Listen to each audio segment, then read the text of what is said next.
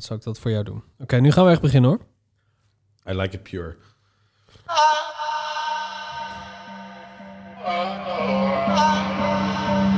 Je luistert naar de wereld van morgen. De podcast over verandering en haar impact op de maatschappij. Hier zijn uw hosts, Lorenzo van Galen en Nick Kieran. Hey Nick, Hey, hallo. hoe is het? Ja, goed, met jou? Ja, lekker lekker.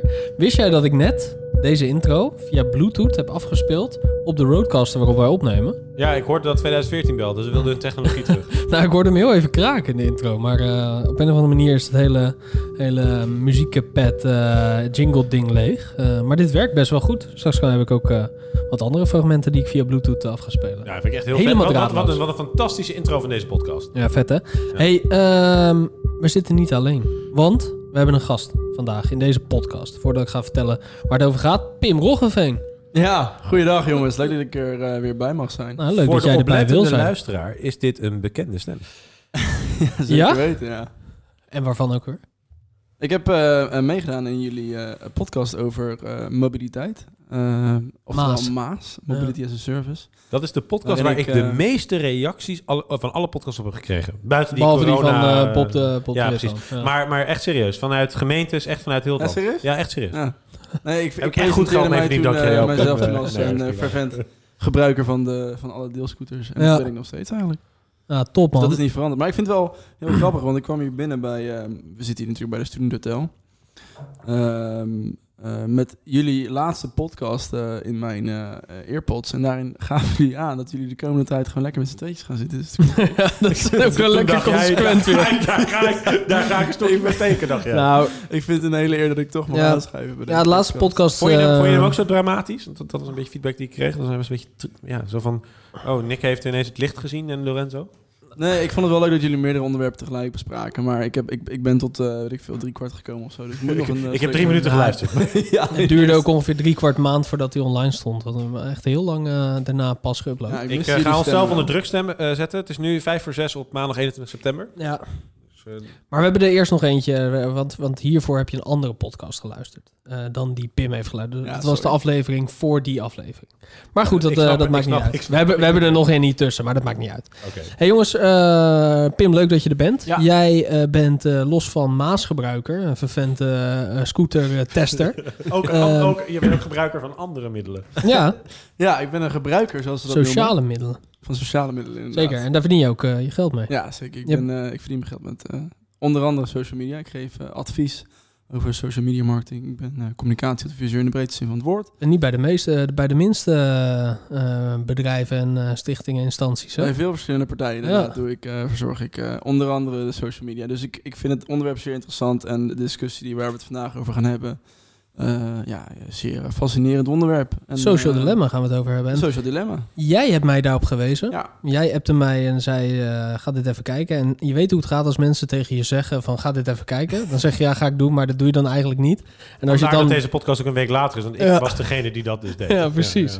Dat is meestal zo. En dan denk je toch gaat van... het wel goed vaak, toch? Ja, maar zo gaat het dan meestal. En dan denk je, dan ga je toch kijken. En dan denk je, ja, was toch wel vet. Echt Maar- heel vet. Maar even een disclaimer, dit is niet een recap van de documentaire. Nee, dit zeker gaat gewoon niet. dieper in op de punten die ze daarin Absoluut. aanhaken. Want Absoluut. kan je net zo goed die documentaire kijken. Zeker, zeker. Eh, het is inderdaad een documentaire op Netflix, eh, recent uit, eh, uitgekomen. Het heet Social Dilemma en het gaat over het dilemma wat social media heet en alle gevolgen daarvan en omheen. Eh, Ja. Eigenlijk heel veel dingen die wij al een keer in de podcast hebben besproken. Het, eh, de, de, de wetgeving daaromheen, het, het, het eh, psychologische aspect eraan.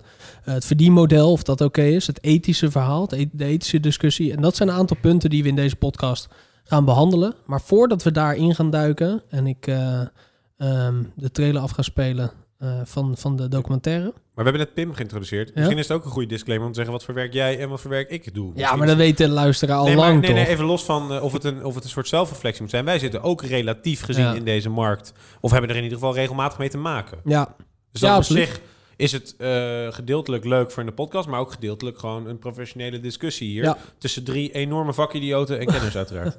ja nee, we ik zitten stop eigenlijk... even wat veren bij jullie ook en bij Nee, mezelf. heel Ik- goed. Ik denk dan Ik beginnen weet we gelijk ik heel straks nog kan opstaan, ik, maar dankjewel. Ja. Misschien moeten we even een kwartiertje van onszelf pakken voordat we echt gaan beginnen. Dus speel die trailer anders even. Nee, maar dat is wel waar wat je zegt, Nick. Wij zitten allemaal in het eh, marketing-communicatieveld. En eh, dat doen wij eh, niet omdat we het leuk vinden, alleen maar ook omdat we...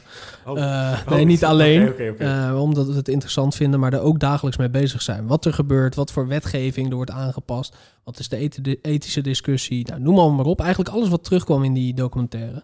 En voor ons misschien nog relevanter dan voor iemand die het alleen gebruikt om met oma in contact te blijven. Of met... eh, Het is, het is voor iedereen net zo relevant, denk ik. Ja. Je moet je Nee, bewust misschien is het ook goed om, om te beginnen met een definitie van wat is social media. Ik denk, dat, ik denk dat dat namelijk de verkeerde term is hier. Die documentaire gaat namelijk, en dit gesprek gaat namelijk over internetbedrijven die producten maken die op basis van eh, statistiek, hè, we kunnen het machine learning en AI noemen, maar het is in de kern is het gewoon statistiek, ja, het zijn die op basis cijfers. van statistische modellen een product aanbieden aan jou, afgestemd om jou meer van het product gebruik te laten maken. Dat kan TikTok zijn met leuke filmpjes van katten waarvan je er steeds altijd eentje extra wil zien. Maar het kan ook Google zijn die jou net andere zoekresultaten biedt eh, dan dat je zou willen zien. Eh, maar dat is zij- niet per se social media. Dat is een Nee. beetje eh, nukken met de term. Zij Nou- zijn het platform en wij zijn het product natuurlijk. De ja, gebruiker, de gebruiker is is het product. En eh, zonder dat de gebruiker dat weet, hè, daar kom ik ook straks eh, wel op terug. Maar ik wil voordat we erin duiken, want we, die, we duiken er al best wel snel in, wil ik heel even ehm, een, een momentje de tijd geven. Pak even je telefoon erbij. Ga even naar screen time. En ik ben heel benieuwd wat jullie screen time is geweest afgelopen week. Eh, ik ben daar be- best wel sinds de documentaire bewust van. En ik zit op ehm, een daily average van 2 uur en 44 minuten. En ehm, mijn meest gebruikte app, want dat kan je ook zien. Oh, volgens mij eh, worden we gelijk, eh, gelijk afgeluisterd eh, door, door, eh, door een aantal AI's. Mijn, mijn, eh, mijn meest gebruikte app is YouTube. Ik, heb daar, ik zit daar gemiddeld per dag 38 minuten op. En daarna WhatsApp. Oké, vorige week mijn gemiddelde screen... Wat was die van jou? Ik zat op 2 uur en 44 minuten average daily time. Ik heb 3 uur en 40 minuten. Zo. Gemi- meer dus. Gemiddeld? Ja, gemiddeld. 7 uur en 17 minuten. Hoeveel? 7 uur en 17 minuten. Per dag? Per dag? Ja, voor hoe, Dat was vandaag. Oh, ja. Oh, ja. Eh, Hè? en over de week... Ja, Ja, het is echt waar. jeetje. Ja, zo, het is echt waar inderdaad. 7 uur en 17 minuten? Ja, alleen ik heb Sync aanstaan. Dus dat is iPad, iPhone Ja, en Ja, Apple oké. Watch. Oké, dat is wel... 5 uur en 36 minuten is productiviteit en financiën. Maar, jouw maar jouw gebruik geeft misschien het beste weer wat, eh, wat de combinatie is. Want dit is alleen mijn... Nou, om je een idee te geven, ik heb aan videoconferencing apps vandaag, hè, als ik dan naar vandaag kijk, heb ik 2,5 uur in videoconferencing gezeten. Ik heb drie uur heb ik keynote aangehad, wat waar is, want ik heb gepresenteerd tijdens die videoconferences, dus dat spreek ik redelijk met elkaar eens. Half uurtje op Safari, ook nog een half uurtje in een andere presentatie-app, wat notities.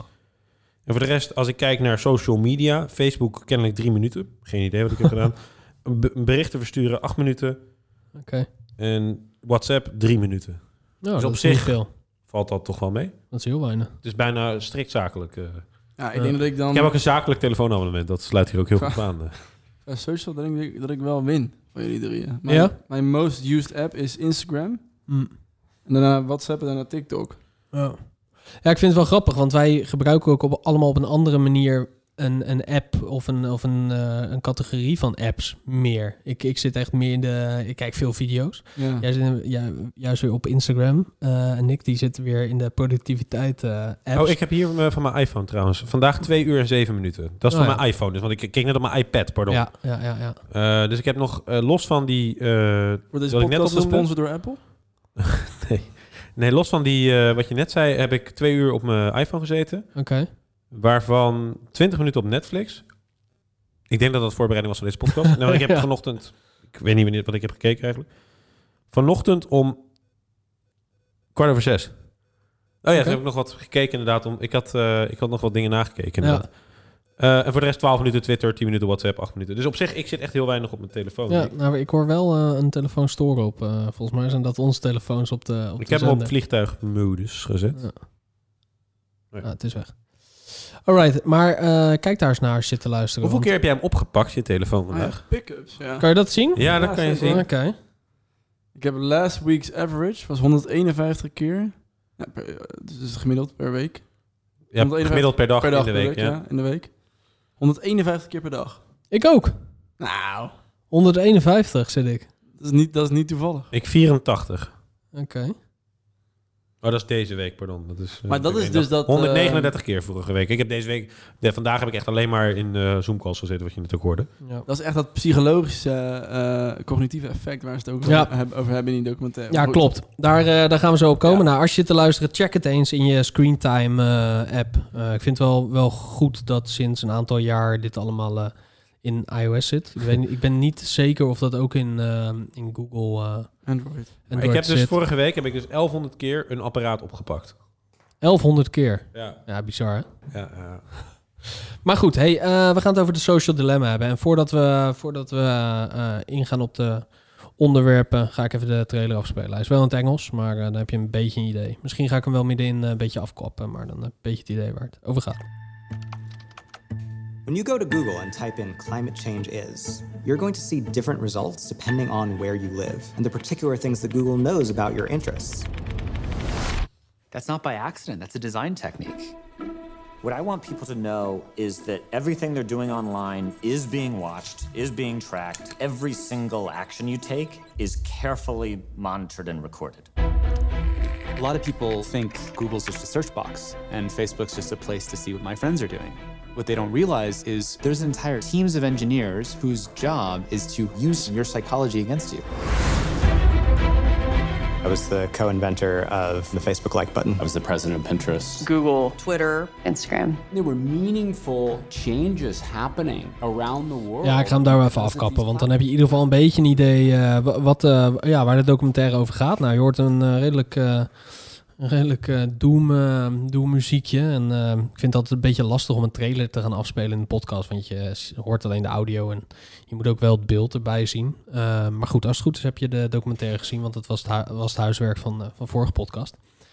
Ik wil deze podcast over een aantal dingen hebben. Ehm, en dat is aan de ene kant de ethische discussie. Dus ehm, ja, wat is, wat is ethisch hierin? En met socials, hoe ver kan je gaan? De businesskant, dus monetizen van, eh, van, van, de, van de sociale media en hoe dat ehm, ja, ontwikkeld is. En eh, de wetgeving. Dus waar, ja, hoe kunnen we zorgen dat socials ehm, binnen banden blijven of dat daar in ieder geval een bepaalde eh, controle op is? En gebeurt dat al of niet? En eh, als laatst het sociale effect. Dus eh, ja, die, die drie, drie dingen samengevoegd. Een sociale aspect op een opgroeiende generatie. Maar laten we beginnen met eh, de ethische discussie. Dus perspectief van de techbedrijven. Eh, Tristan Harris zit in de, in de documentaire. Dat, dat hoor je ook. Aan het einde zitten een aantal best wel prominente mensen in... die een managementfunctie hebben gehad bij, bij Pinterest, Facebook, Google, nou noem maar op. Silicon Valley into me, zou ik haast Ah, zeggen. absoluut. En die eigenlijk allemaal een tegenbeweging zijn begonnen. En Tristan Harris, eh, voormalig design-ethicist bij, eh, bij Google... en nu co-founder van de Center of Humane Technology. Mag, ik iets, mag ja? ik iets daarover zeggen eerst? Mhm. waren mensen die allemaal heel vrij spraken over hoe verschrikkelijk wel niet de industrie was. Eh, dat verbaasde me enigszins. Dus ik heb een beetje gezocht. Die mensen. Ik vraag me af wat hun buy-out is geweest. Dus hoe financieel onafhankelijk ze zijn. Ik kan me ook voorstellen dat er heel veel mensen stil zijn in zo'n industrie. Omdat ze denken van ja, anders ben ik mijn baan kwijt. Ja, dat zei die Tristan ook. Hè? Ja. Hij, hij, had, hij, heeft, hij heeft heel veel tijd ingestoken om zeg maar, naar dat ethische stuk te kijken van oké, of vragen te stellen bij wat we aan het doen zijn. Niet waarom, maar wat, wat zijn we aan het doen? Kan dat? Is dat ethisch verantwoord? En dat verdween een beetje in de organisatie. Ja, hij had een presentatie gemaakt waarin Ja. hij dat, die, die, die kwestie aankaartte. Die ging heel de organisatie door. Iedereen was het met hem eens. Hij had nog een enorm Ja. vraagvak gecreëerd binnen eh, Google, volgens mij in dit geval ook. Eh, en op een gegeven moment kwam het bij eh, eh, de, de CEO van, eh, van, van Google terecht. En die vond het ook een, een terecht punt of zo. En, dan dropt het ineens Ja. geheel. Ja, het was helemaal, helemaal, stil. En ik, ik Ja. ga je alvast wat vertellen. Alles wat wij Oh. vandaag bespreken is ook totaal eh, irrelevant eh, overmorgen. Dan zijn we het allemaal weer vergeten en zitten we gewoon weer op die verslavende middelen. Ja, maar daar komen we. Daar, daar komen dat. Dat, dat wordt, eh, dat wordt, wordt het spijt me om conclusie. zo, zo vroeg in deze podcast even de truth bomb eh, te droppen. Want dat is wel... Nee, maar even serieus. Dat is ook wel Dat zo. is wel Ah, weet ik fascinerend. niet. Weet ik niet. Nou, als jij, je hebt een revolt in je organisatie, iedereen is het mee eens en vindt dat er wat moet veranderen. Twee dagen later is Ja, je bedoelt dat. Ja. Ja. Dat is ook zo. Ja, omdat het gewoon business moet Maar ik ben ook wel benieuwd, wat, wat vonden jullie uiteindelijk van de, van de, van de documentaire? Zeg maar, want het, in mijn ogen was het ook een beetje een verlengde van The Great Hack. was een documentaire van vorig jaar, 2019. Dat ging toen over de invloed van Cambridge Analytica in de verkiezingscampagne van Oh, Trump. Je moet los, En, los van de, eh, wat de, het doel van de documentaire of de, Ja, de gewoon, bewustwording. gewoon wat je ervan vond, hoe het zeg maar, eh, gepresenteerd werd. Dit, dit, dit, dit geheel, dit dilemma. Ja, ik vond een goede documentaire. Hij was goed opge, opgebouwd. En ja, er zaten mensen, prominente mensen in. Die, maakten, die, die, die kwamen met de be- bewijsvoering vanuit die industrie. En dat vond ik heel sterk. Ja. Want je kan wel als filmmaker een verhaal vertellen en een probleem signaleren. En daar eh, een, een bepaald doel bij hebben. Maar hier waren het daadwerkelijk mensen die allemaal managementfuncties hadden gehad. eh, CEO's, CFO's, noem maar, maar op. Uit Silicon Valley. Dus dat vond ik wel sterk. Ja, wat ik, wat ik, dat vond ik ook sterk. Wat ik wel vind, en ik denk dat Pim dat eh, ook herkend heeft, is je hebt natuurlijk verschillende manieren om een verhaal te vertellen. En Epos, een verhaal over een held. Eh, dat was een beetje wat hier was, eh, werd gedaan. Die mensen die zich lieten afspreken waren een beetje de, de protagonisten van het Ja, verhaal. Tristan Ja. Harris was wel een beetje de, de, de, de redder. eh, Maar de industrie, laat ik even breed zeggen, even los van losse partijen, werd heel erg weggezet als een soort antagonist van de hele mensheid. Ja, klopt. ja. En dat vind ik een hele Amerikaanse wijze om een verhaal te vertellen. Ja, en een hele gekleurde wijze. Eh, wat natuurlijk wel een mooie documentaire maakt. En wat je denkt van, oh ja, inderdaad spannend. En er zit altijd van die muziek onder dat een soort suspense in zit. Ja, en die, die one-liners van there, there are only two industries that call their uh, clients users. Dat Ja. waren dan de drugsindustrie Drugs en, en, eh, eh, en, en social media. En, en de, de, de narratief die werd ge- geschetst met die familie die natuurlijk daar eh, eh, hoe heet het, eh, slachtoffer van, van werd. Dat was ook gewoon bedoeld door de documentaire maken om een, om een bredere... Ja. Om het Nou ja, te- om behapbaar te maken voor een breder Dat, publiek. dat werd haast gebruikt als een vehikel om eh, Ja. te laten zien hoe slecht wel niet die industrie was. Vond En- een beetje makkelijk eerlijk gezegd. ja, er zat een stukje... Het was onnodig wat mij betreft. De, de, de documentaire had een kracht van zichzelf genoeg. Ja, er was, eh, o- om dat te verduidelijken voor de luisteraars die het niet hebben gezien. Aan de ene kant worden, wo- ja, worden de mensen geïnterviewd en worden daar beelden bij, eh, real-life beelden bij eh, laten zien. En daarnaast liep eigenlijk een verhaallijn van een gezin. En eh, je, Ik- zag de, ja. je zag de invloeden van de socials op dat gezin. Dat Eh, en dat een- liep ja. parallel aan het, eh, aan het echte Ja. verhaal. Ik vond het een hele frustrerende documentaire om een persoonlijke reden trouwens ook. Wat dan? Ik heb in 2017, tijdens mijn master communicatiewetenschap, heb ik een paper geschreven. Waarin ik de Network Society, oftewel het interconnectiviteit, dat iedereen een smartphone tegenwoordig bij zich heeft en met iedereen kan connecten via social media, heb ik beschreven als The Truman Show, die film van Jim Carrey. Ja, Mhm. En daar heb ik letterlijk de quote: We accept the reality as it is presented. Het is heel human to do. Ehm, dat heb ik daarin opgeschreven. Dat is een paper waar ik heel trots op was. En Potverdrie die zat ook gewoon in deze documentaire. Dus hebben we gewoon mijn shine afgepakt. Ja.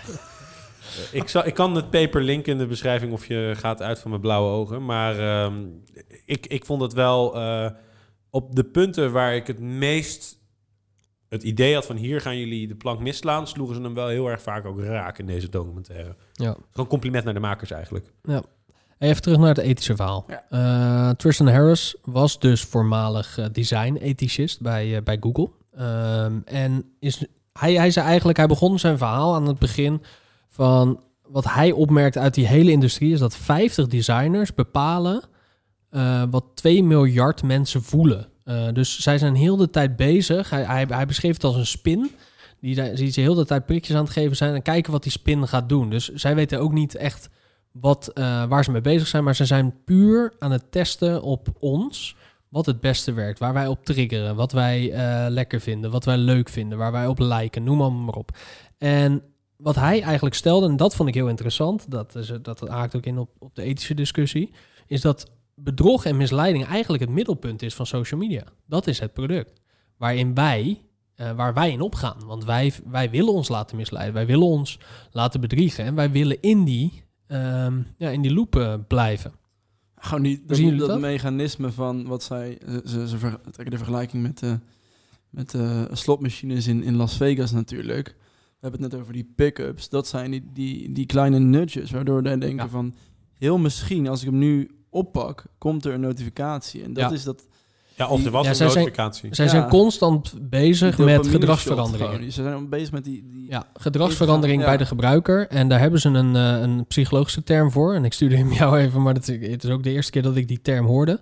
Dat is intermitte- intermitterende positieve bekrachtiging, zo heet het in het Nederlands. Ehm, en dat wil zeggen Ehm, je weet niet of je iets gaat krijgen en wanneer je het gaat Ja. krijgen. Maar je weet wel dat je het kan krijgen. En dat is inderdaad exact het concept van de ook klinkt, als, klinkt een beetje als COVID-19. Ja, ja, inderdaad. Ja. Is, dit, is deze too soon? Of, Eh, eh, ja, we zitten misschien. nu in een code rood gebied. Ehm, Ja, is het, is het inmiddels rood geworden? Ik heb geen idee, dat, Ja. dat dacht ik. Nee, maar, maar ik, eh, dat, ik- dat ik- is dus het, het programmeren van de gebruiker. Ja, maar er zit wel een heel groot... Ik denk een klein beetje historisch besef hier is op zich wel goed. eh, vanuit eh, hoe dit ontstaan is ook. Even los van de industrie. Vroeger eh, maakte je een product. Hè. Je ging aan de tekentafel zitten en dan bedacht je een product. En er werd dan er werd een productiefaciliteit opgezet. kwam een auto van de band af en die werd dan geproduceerd. Dus time to market was eh, misschien wel een jaar R&D, een jaar plannen en dan kwam die op de markt. Inmiddels kun je eh, bij de Zara hebben ze een time to market van een paar dagen. Dus je ziet wat Ja. op de runway. Ja. We maken het ontwerp en binnen een paar dagen ligt het in alle winkels van de wereld. Op software, je bedenkt iets, je zet het aan en je kan het meteen AB het testen op aan, duizenden, precies. misschien wel miljoenen mensen. Ja. En, een, en een minuut later kan je het geïmplementeerd hebben. Ja. En die korte pivot cycles, hè, dus eigenlijk continu het, itereren, het iteratief aanpakken van je product, is sowieso al heel erg anders ten opzichte van andere sectoren. Software ten opzichte van, Ja. eh, weet ik veel, M&M's. Hè. Ik bedoel, je kan, bij M&M's kan je ook itereren. Je kan elke week een andere smaak doen. Maar dan moeten ze wel eerst allemaal naar de supermarkt gebracht worden, moeten ze gemaakt worden. Exact, dat Het gaat wat, wat, gaat wat, eh, wat minder kan, snel. Kan waarschijnlijk ook snel. ehm, maar niet zo snel als Maar je in weet niet twee of de, of de knop eh, rechts beter werkt dan de knop links. Nee, en want dat zet je aan. En het mooie aan het hele digitale softwareverhaal is ook dat het volledig kwantitatief te analyseren valt. Of ve veelal kwantitatief te analyseren valt. Die combinatie plus de prikkel om er commercieel meer waarde uit te halen door dat goed te doen, is natuurlijk genoeg om mensen gewoon continu in een experimentele setting te zetten. Ja. En een van de, eh, de VSNU, de Vereniging van Scholen Nederlandse Universiteiten, heet het, geloof ik, heeft een van de, eh, de basisbeginselen van eh, eh, ethiek in, het, in, de wetenschap, in wetenschappelijk onderzoek, is dat mensen bewust moeten zijn, soort opt-in op wetenschappelijk onderzoek. Dat dat een van de ethische punten is. Dus dat de, Dus het feit test, dat je dat de continu- geteste weet dat die getest wordt. Exact. Of dat je dat later debrieft bijvoorbeeld. Ja. Daar zijn natuurlijk vormen van, dat, dat kun je gewoon vinden. Maar even los van wat ik, of dat toepasbaar moet zijn op de commercie, kan je je afvragen of het wel wenselijk is van jou als jij klant ergens van bent, dus bijvoorbeeld van Facebook. Mm. eh, of jij wilt dat jij continu wordt getweakt en geoptimized. Ja. Maar tegelijkertijd gebeurt het ook. Hè, we kunnen nu heel erg eh, ethisch en moreel hoge pet opzetten van Google, Facebook en TikTok. Maar dit gebeurt natuurlijk net zo goed bij Coolblue. Sterker nog, dit zal ongetwijfeld zelfs bij de Rijksoverheid gebeuren. Ja. En daar heeft het vaak Absoluut. een ander doel bij de Rijksoverheid. Dus bijvoorbeeld om bepaalde pagina's beter vindbaar te maken. Ja. Maar je bent wel continu onderdeel van een experiment. Ja. ja, je bent eigenlijk gewoon proefkonijn. Zonder dat je weet dat je dat ja, bent. En je kan je afvragen van hoeveel... eh, Althans, in- heel in- weinig mensen vanuit- zijn zich er bewust over. Vanuit ethiek en, en, en, en, en, en vanuit die norm kun je je natuurlijk afvragen... eh, de, een van de vragen die je zelf moet stellen is... doe ik de persoon die ik test meer kwaad dan de waarde toevoegt aan de maatschappij? En je kan je afvragen als jij, of je nou op een rood klikje knopje drukt of een groen knopje, hoeveel pijn Ja. doe je daadwerkelijk iemand ermee? Maar goed, Ja, het is... tegelijkertijd ook als je voor de keuze wordt gesteld of ze, eh, als je bijvoorbeeld hebt over tracking cookies, dan zeggen ze van ja, dan kunnen we je betere, betere advertenties tonen. Die advertenties komen toch wel. En dan heb je toch zo'n keuze dat je denkt van, Ja. wat, waar, waar kies ik nou tussen? Ik kies Het is altijd twee, in dienst voor de... twee Voor, kwaden, weet je wel? Ja, je kan daar heel negatief over zijn, zoals die documentaire doet. En ik denk ook dat in het beginsel dat dat ook een hele gezonde houding is richting dat soort bedrijven. Laten we maar vooral kijken hoe... ja, we moeten kritisch zijn. We moeten kritisch zijn en ze commercialiseren er natuurlijk ook wel heel veel uit. Maar aan de andere kant, het is niet zo dat ze aan het testen zijn om eh, heroïne bovenaan de lijst te doen bij thuisbezorgd.nl. Nee, dat weet ik niet. Maar je trekt de analogie met, met drugs. Ehm, zij maken wel social media bewust verslavender. Ja, maar dat is... Kijk, Facebook wordt heel erg weggezet en meer van dat soort clubs, maar Facebook vooral als een, eh, als een anta- antagonist waarin de gebruiker een gevecht aangaat met, een, met AI. Maar het is geen fair fight, want de AI die Ja. zou eh, menselijke eh, tekortkomingen eh, exploiten en daar, op basis daarvan alleen maar meer tools trekken naar de mens. En een van de mensen in de documentaire zei er iets heel intelligents over. Die zei, naar mijn mening, die zei... het is niet zozeer dat Facebook slecht is. Alleen het algoritme is geprogrammeerd om een bepaald doel na te streven... en het Ja. algoritme heeft geen ethisch besef. Die kijkt gewoon, hoe kan ik zo snel mogelijk... iemand zoveel mogelijk dit product laten gebruiken. Ja, want dat is nog een eh, onderdeel van, van deze discussie. Wie optimaliseert dit? Nou, het zijn dus ongeveer 50 designers eh, volgens, eh, volgens die Tristan Harris in eh, Silicon Valley, hij maar ook AI. specifiek over een Facebook-button, geloof ik... Ja. eh, waar dan 50 mensen aan werkten. Ja, ja, precies. Wat dan Maar- invloed had op Nee, het 2 ging over eh, e-mail, eh, de Ja. Gmail interface volgens mij. Ja. Oh ja, dat was het. Ja. Maar over het algemeen wordt dit geoptimaliseerd door AI's die leren En die verbeteren. En in de Ja. documentaire kwam naar voren. Daar zit wel een splitsing in hoor. Dat ging vooral over het, eh, het aanbevelingsalgoritme. Ja, oké, maar, maar ook, het, ook het verbeteren van de dienst. ja, Eh, zeker. dat- en dat- daarmee dus de dienst. Ja, Ja, zeker, precies. Ehm, en, en niemand weet eigenlijk wat die AI's doen. In de documentaire werd beweerd dat er maar een handjevol mensen in Silicon Valley echt kunnen uitleggen wat die AI's nou aan het doen zijn. Eh, en dat vond, ik, dat vond ik misschien nog wel het engste. Dat er dus een, een geest uit de fles Ik is gehaald. Ik denk dat heel veel mensen wel weten wat ze doen, maar niet hoe ze het doen. Dat dat Nee, wel- precies. Dat daar Ja. zit. Maar dat is wel, dat is wel. ehm, ik vond het misschien wel het bizarste uit de documentaire dat dus volgens die mensen in de documentaire een handjevol mensen in Silicon Valley echt snappen wat AI's of wat, A- wat AI's doen om Ja. de dienst te verbeteren. Ja, ja, Dus- van- ja, dat ben ik met je eens. En je ziet ook dat, eh, dat daar een aantal opmerkingen over werden gedaan waar, waar dat heel erg visueel ook door werd. Ja. Dus niet dat AI nu al zo goed, dat AI tegenwoordig. want Ik kan me ook voorstellen als je nu deze podcast luistert, dat je denkt, ja, AI, zo goed is het nog niet. Ik heb mijn baan toch nog, weet je wel. Een beetje, Ja, ja precies. zo snel gaat het toch niet, eh knipoog. Eh, dat werd ook gezegd, AI is nog niet goed genoeg om je baan over te nemen. Dus zo sterk is AI nog niet. Maar hij is wel sterk genoeg om al onze zwakke punten als mensheid eh, te kunnen benutten. Ja. En dat is natuurlijk, hij zegt, en dan heb je eigenlijk al verloren als mensheid.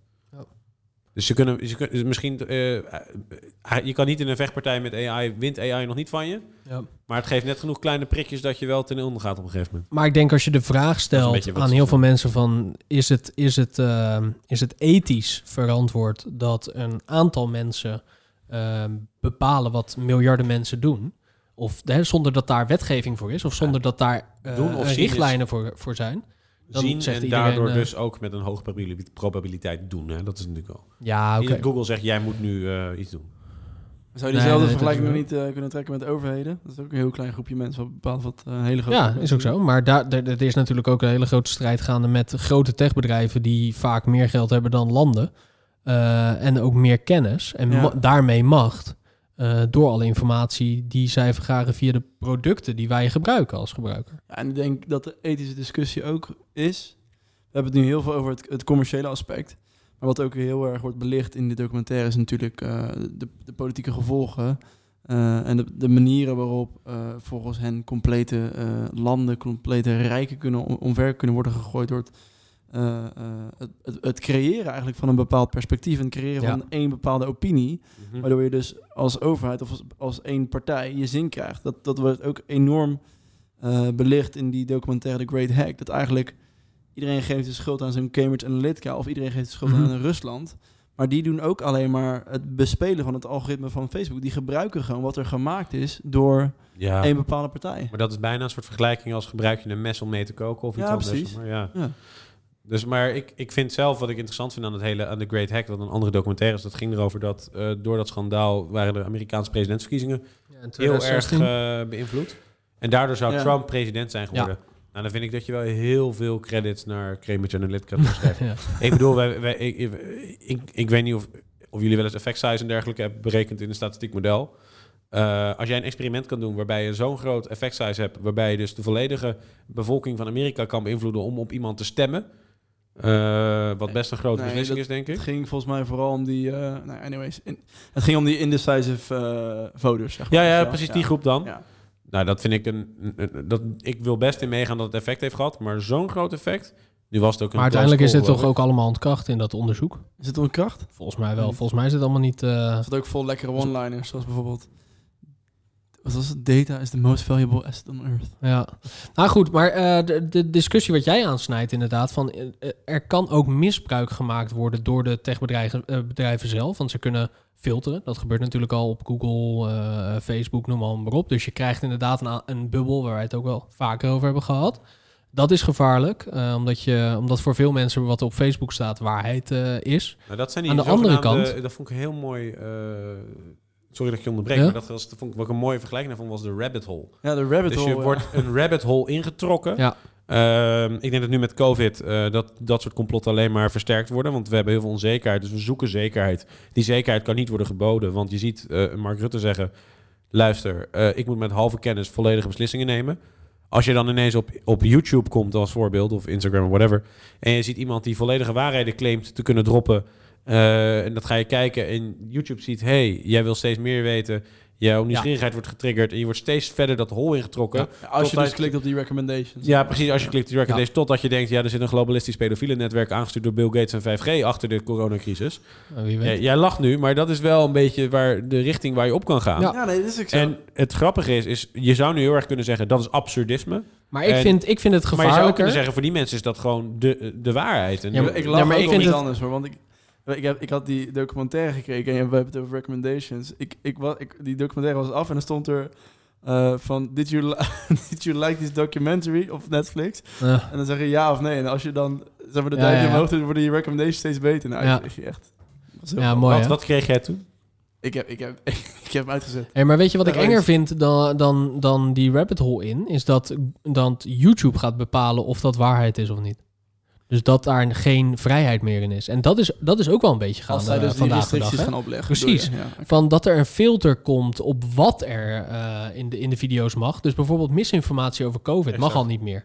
Ja, Maar wat de- is misinformatie? Ja, dat, dat is dan is- ook weer een andere vraag. Ja, Dat is ook een discussie van Ja. wie is er verantwoordelijk voor. Dus, Exact. Wie is En hetzelfde, nu.nl in Nederland doet dat. Eh, nu.nl is verantwoordelijk om een, ja, volgens mij krijgen ze daar subsidie voor vanuit de overheid om Nieuws te nieuwsberichten te cureren en te filteren inderdaad.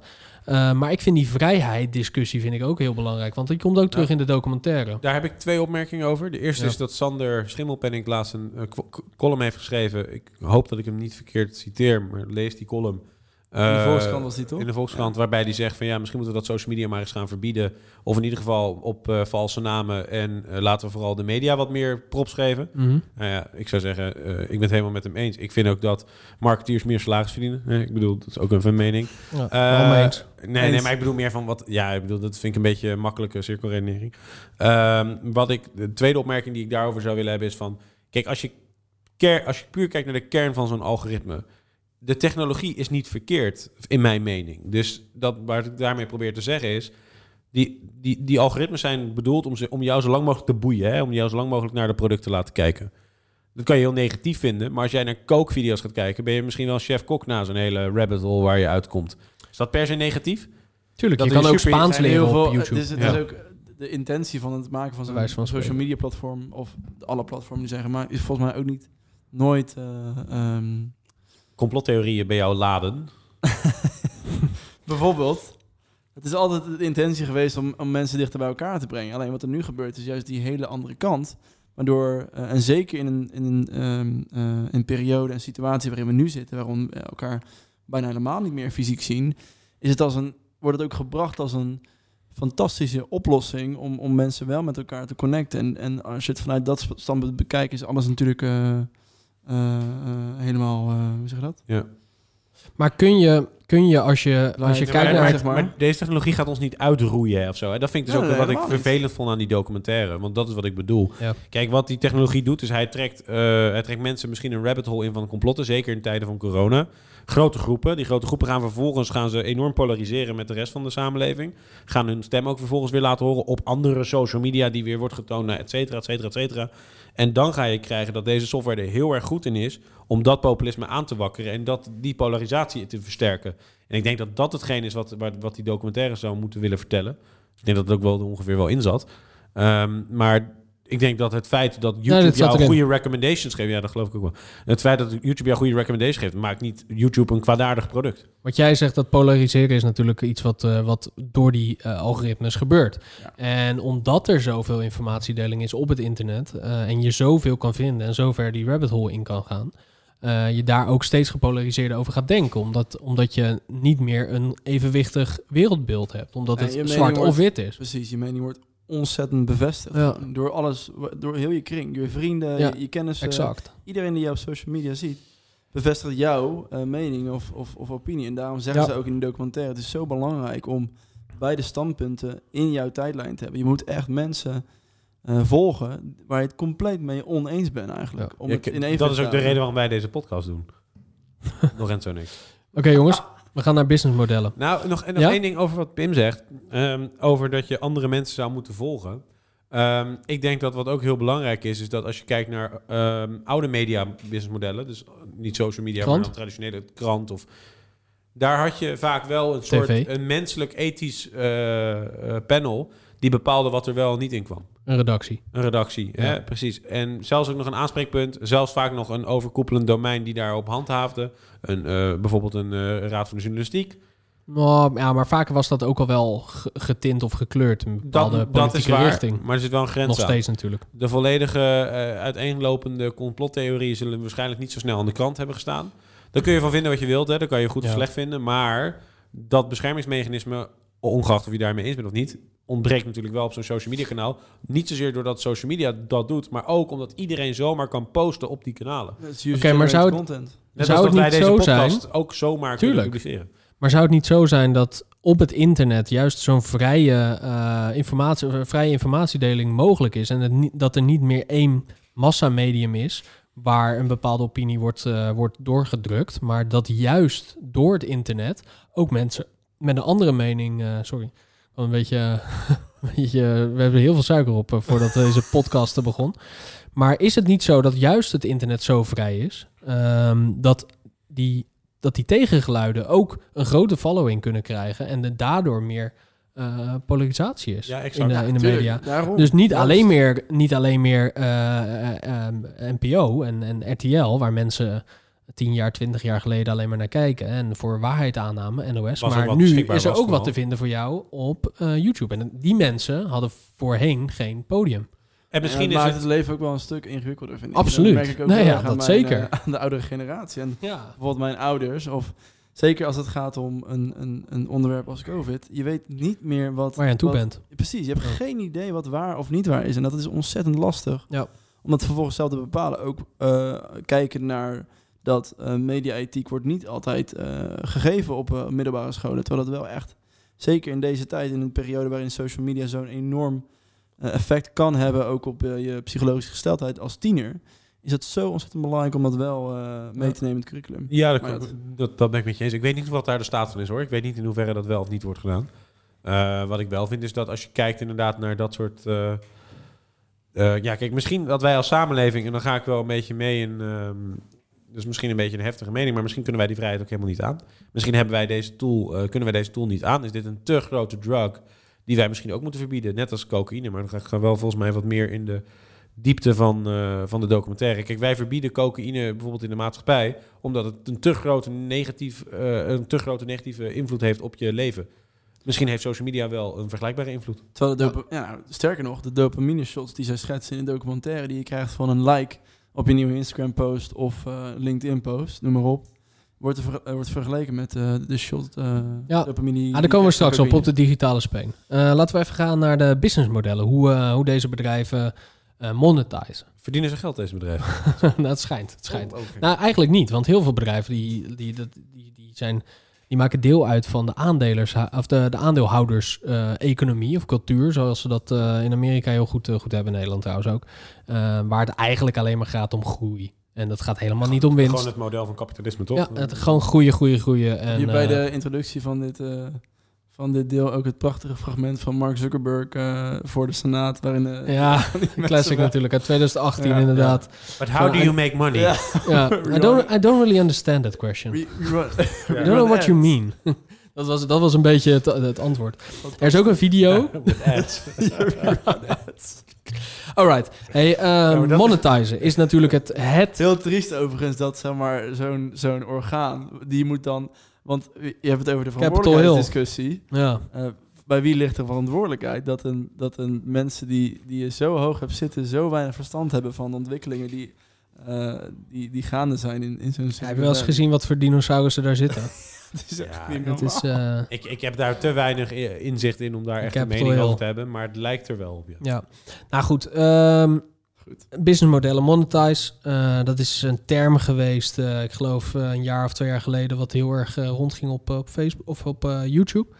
Ehm, ik wil nog heel even quoten naar een persoon die ook voorkwam in de documentaire. Dat is Tim Candle. Hij was voormalig executive bij Facebook en voormalig president bij Pinterest. Dus niet, niet de minste Ah, op zich. En hij was de inspiratie voor de naamgeving van het grootste social media account van de wereld. Oh, so- sorry, de? Het grootste social media account van de wereld was zijn... Zijn naam was de inspiratie voor haar naam. Kendall Jenner. Dat bedoel je. Ja, precies. Dat is wel waar inderdaad. Wel ver gezocht, maar eh, scherp. Hij is nu eh, CEO Dank. van Moment. En ik ging even opzoeken wat Moment was. Jenner Ehm. Moment. In ieder geval een, een, een, een, eh, een Jenner. Eh, hij is CEO van Moment. En eh, dat, is, eh, de, dat is een website, een, een app. En de tagline was Less phone, more real life. Dus daar heb je wel een voorstelling bij wat, wat, wat het is. Wat doen ze Hij dan? is- Ze verkopen geen telefoons. Is dat hun businessmodel? Eh, hij, hij, hij verkoopt minder tijd op je telefoon. En Ehm, daar betalen mensen voor. I don't understand your business model. Sir, you're on ads. nou ja, dat is inderdaad wel, te- dat is wel Draait die grappig. blanco ads die scherm overnemen. Nou, dat is wel grappig wat je zegt, want hij zegt is less phone, more real life. Maar hij moest in 2014 uit gaan zoeken bij Facebook hoe Facebook geld kon gaan verdienen. Dus wat was een model, een passend model waarop er geld binnen kon komen? Nou goed, dat is uiteindelijk natuurlijk adverteren gebleken. Ehm, ehm, niet voor niks. En de data zelf de gebruiker, die is het product. En wij, ehm, ehm, ja, wij krijgen constant ehm, ja, eh, onze eigen advertenties eh, toegevoerd. Ja, maar ik denk dat het voor... eh, Wij praten hier heel logisch over, maar ik kan me voorstellen dat Ja. het best wel een rare tijd was. Hè? Dus je, Wat toen, 2004. Je bouwt, ja, je bouwt een product. Daar gaan miljoenen mensen gebruik van maken. Nou, iedereen zegt, doe ads, doe ads. Hè? Ja. Want dat is, eh, je hebt bereik. En dan op dat moment zit er een CEO die zegt... Ja, ik weet eigenlijk niet of dat wel Nee, de beste manier Terwijl is. tv toen natuurlijk eh, het medium was. Ja, Zeker in ja, Amerika, weet je, dat kostte echt eh, tientallen miljoenen. Time om- spent on, eh, on device was hoger op de televisie, Ja, zeker. tuurlijk. Maar hebben ze ook niet geëxperimenteerd met eh, eh, subscription? man? Ja, exact. Dus Ja. eerst Ja. moest je... Volgens mij was het een hele selecte club. En Ja. Ja. uiteindelijk zijn ze uitgekomen van... wat is de meest elegante manier om wel een mooi product te behouden... maar ook wel geld te Ja. verdienen. Dat waren dan targeted ads op een gegeven moment. Eh, maar het is toch van de zotte dat, dat je baan is. Kom Met op. de data als jij, die als jij bij een bedrijf gaat werken, als jij bij Shell werkt, dan weet je toch hoe ze de geld verdienen? Door het eh, extrapoleren van olie uit de grond en daar benzine van te maken en die vervolgens weer te Dat verkopen via het tankstation. Ja. Ik bedoel, er is niet iemand bij Shell die gaat nadenken over. Ja, eh dus niet toen Shell werd opgericht, was niet iemand die ging nadenken over zijn geld ging verdienen. Dat was vrij duidelijk. Gewoon Nou, op je- maar op Facebook is natuurlijk ontstaan, eh, heel plat, om op een campus eh, chicks te kunnen regelen.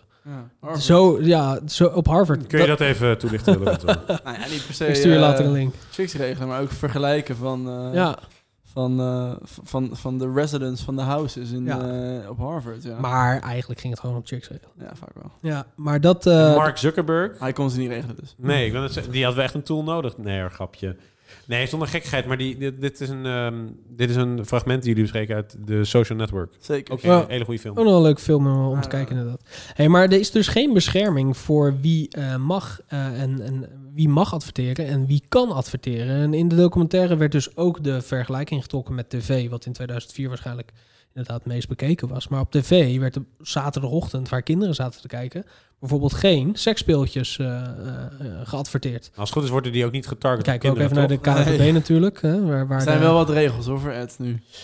Ja, jij kan niet zomaar op kinderen targeten. Nee, en al helemaal je niet met moet- je, je seksspeeltjes. hebt heel veel, je hebt best wel wat regels nu voor, voor Facebook ads. Met name als het gaat om eh, bepaalde haatdragende boodschappen. eh, bepaalde eh, ads die getarget zijn op mensen die een bepaalde eh, eh, etnische achtergrond hebben. Dat soort dingen mag allemaal niet. meer. Maar we weten dat er voor kinderen nul bescherming is op internet. Dat moet komen van de ouders.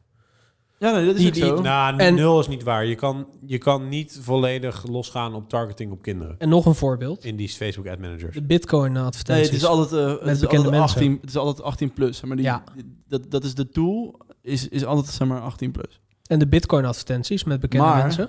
ja, maar dat is een Ehm, ander voorbeeld. Dat Nee, is, een ander voorbeeld. Als je kijkt inderdaad. naar bijvoorbeeld influencer marketing, dat is een hele andere markt. Daar heb je natuurlijk influencers, dat zijn vaak ook kinderen, tieners, echt jonge kinderen die worden influencers. Met organisch bereik Die in met- de doelgroep. Precies. Waar we het net En die eh, eh, worden eh, gevraagd. Door de om- reclamecodecommissie wordt dat wel eh ge, Nou, dat, dat denk toch? jij, maar dat is helemaal niet zo. Niet genoeg? Daar zijn helemaal, is helemaal geen regel of wetgeving voor. Maar dat- Nou ja, er is wel wetgeving voor. Alleen die, die, die Heel beperkt het in gaat ieder heel beperkt Heel en het gaat beperkt. te snel. Wij Maar je kan het ook niet 2017 op- controleren, hè, trouwens, om daar heel even op terug te komen. Want wij hebben daar wel eens een podcast over gedaan. En je kan niet Influenceren weten... op de rand van het zwembad heette die. gewoon. Ja, ja, kijk hem, luister hem terug. Influenceren op de rand van het zwembad. een mooie titel. En ehm, eh, daar, Toen je, je kan, als je kijkt als, als kind naar een filmpje, kan je niet onderscheiden of het pakje taxi op de achtergrond, of dat een advertentie is of niet. Dat is niet te doen. Nee. En misschien is die daar bewust neergezet. Nee, maar als je kijkt, die jongens begonnen Huh? natuurlijk zelf ook als kinderen vaak, hè? Het is gebeurd, hè, dit, eh, dit specifieke verhaal. Nee, nee, ik, ik geloof je. Oh ja, ja, nee, Ja, ik ik dacht heb- van, oh, oh, Ik heb, ook onder- ik heb ook onderzoek gezien dat een heel groot gedeelte influencers alcohol promoten aan, je- aan jeugdigheden. En veelal zelfs zonder commerciële prikkel erachter. Oké. Ja. Vind ik echt interessant dat influencers dus toch nog, ondanks dat ze bewust zijn zogenaamd van hun medium, nog wel volledig op alcohol. Ik zal dat even opzoeken tegelijkertijd. Maar Sterker nog, ik heb, ik heb dat soort campagnes gedaan zelf. leg voor, uit. eh, Nou, voor- vertel. Voor bedrijf. Kan je dat Nou, vertellen? Ik heb, ik heb eh, voor een influencer marketing start-up gewerkt eh, in, in Haarlem. En daar hadden we ook campagnes voor een bepaald biermerk. Dat hebben we met influencers gedaan. Uiteraard Ja. onder het mom van ehm, de disclaimer moet in de, in de caption staan van eh, onder 18 geen alcohol. Maar je kan absoluut niet controleren wie van de volgers boven de 18 is. Dat is gewoon niet te doen. Ja, maar dat bedoel ik. Daar is dus nul bescherming Nee, daar voor. is geen Dat bescherming voor. nee. Nee, absoluut. Maar tegelijkertijd is het ook heel erg opvallend. En dat kwam ook weer terug in die documentaire. Heb ik ook wel eens vaker gehoord. Als je het toch hebt over een controle ehm, eh, voor, voor de, jongere generatie. Is dat de mensen in Silicon Valley eh, zo lang mogelijk dus eh, hun eigen kinderen van de devices houden. Ja. Er complete school, scholen zijn ingericht in die, in die valley. Waarbij eh, er gewoon totaal geen digitale middelen aan te pas komen. Heel fascinerend. Ja, ja dat, laten we het daar zo nog even over hebben. Want ik Ja. wil even... Dit onderzoek heb ik hier voor me.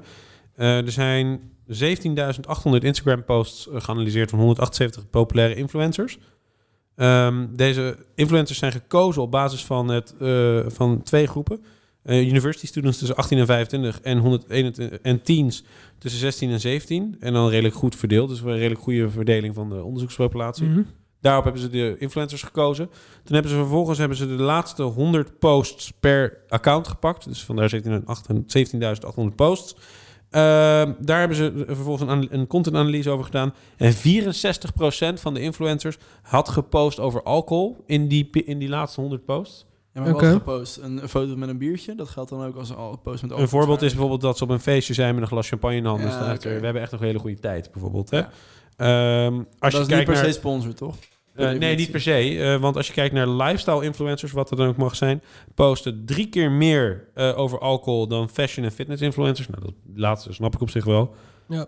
Het is bijna altijd in positieve context, dus gezelligheid, lachende mensen, et cetera. Is natuurlijk fascinerend. Dus daardoor wordt een positief frame over alcohol Ja. wordt er neergezet. Ja.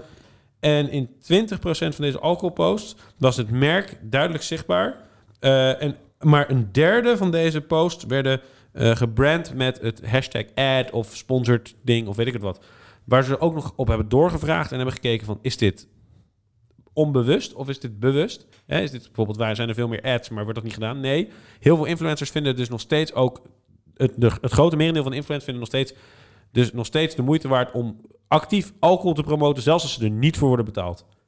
Dus twee derde van die 64 Is dit een test eh, Ah, ja, in Nederland dan gedaan? vraag ik me wel Ja, in af- Nederland, ja. Ja, Huh? oh, nou, de sample is gebaseerd op Nederlandse, op. Nederlandse tieners. Ja, ja. Dan Dus dat kunnen ook buitenlandse hoe, eh, influencers hoe bewust ze zich zijn van, van die eh Maar dit onderzoek, actieve alcoholpromotie. dit onderzoek is eh, onder andere eh, gepresenteerd aan Beauty Gloss, Ja, zeker. Marsha. Marsha, ja. En die is daar enorm van geschrokken. En toen? Ja, die zegt ook dat ze ook daar actiever mee aan de slag gaat en dat ze vindt dat, dat, absoluut, dat ze dat echt niet kan. Dit soort voorbeelden. Ja, maar dit, is, Ja. dit, dit zijn fascinerende voorbeelden. Dus dat de mensen die, waar wij het in 2017 over hebben gehad, influenceren op de rand van het zwembad. Die mensen hebben een, een publieke taak, moeten zich daarvan bewust zijn. Doen net alsof ze dat kunnen. Er is geen wetgeving, et cetera. Ze gaan allemaal structureel de fout in op het gebied van alcohol. Want zij weten ook wel dat het misschien niet de handigste methode Ja, is. maar dit, eh, het hele, influencer, eh, hele influencer marketing is natuurlijk gewoon een wilde westen. Eh, ik bedoel, die hebben Nou, gepakt, ja. gepakt wat, ze, wat ze konden pakken. Er waren geen... Kijk, maar als je nu Kijk, naar kijk, de... Nederland loopt heel erg achter op het gebied van wet en regelgeving. Je hebt andere landen zoals Duitsland, Ja, waarbij je geen influencer marketing of sponsorpost mag doen zonder daar eh eh, Werbung, eh, hashtag Werbung voor, eh, voor te zetten. mhm. Of een eh, iets in die trant. Dat moet maar. ervoor Je staan. moet altijd melden dat, er reclame wordt gemaakt. anders kun je een boete krijgen. En wat heel veel mensen dachten in influencer marketingland is dat zodra dus deze influencers die, die veel vol- volgers hebben, zodra die dus aangaven dat ze betaald kregen voor de samenwerking, dat die, dat die dus minder engagement, minder likes, minder reacties, minder volgers zouden krijgen. Maar dat is dus helemaal niet het geval. Sterker nog, er wordt die, de influencers worden steeds meer gewaardeerd juist hoe eerlijker ze zijn. Dus ze, ze, ja, het is bijna een, sport geworden om, om eh, te melden dat je reclame maakt. Dat je van, ja, dit Ja. heb ik gekregen. Of dit heb ik echt gekocht of zelf. Of dit heb ik, eh, hier krijg ik geld voor. En dan denk je van, oh, wat zijn ze, deze influencers Zijn zijn, ze zo eerlijk? eerlijk. weet Ja. je wel. Ja, dat is mooi. Eh, maar op het moment dat het onderwerpen zijn als alcohol en je bent er je daar niet van bewust en je weet dat je een jonge doelgroep hebt, is dat wel redelijk bijzonder. Of boodschappen van de RIVM. Nou ja, daar kunt, maar ik heb nog een, een, een opvolgend onderzoek hier voor me staan. Eh, kinderen die, En die regelmatig... op, eh. conspiracy cast. Nee, nee, een, een, dit is geen conspiracy, dit is gewoon onder- wetenschappelijk onderzoek. Nee. Eh, ook in Nederland trouwens, zelfde, zelfde vergel- vergelijkbare eh, populatie. Eh, leeftijdsrange van 8 tot 12 eh, en gemiddelde leeftijd eh, 10.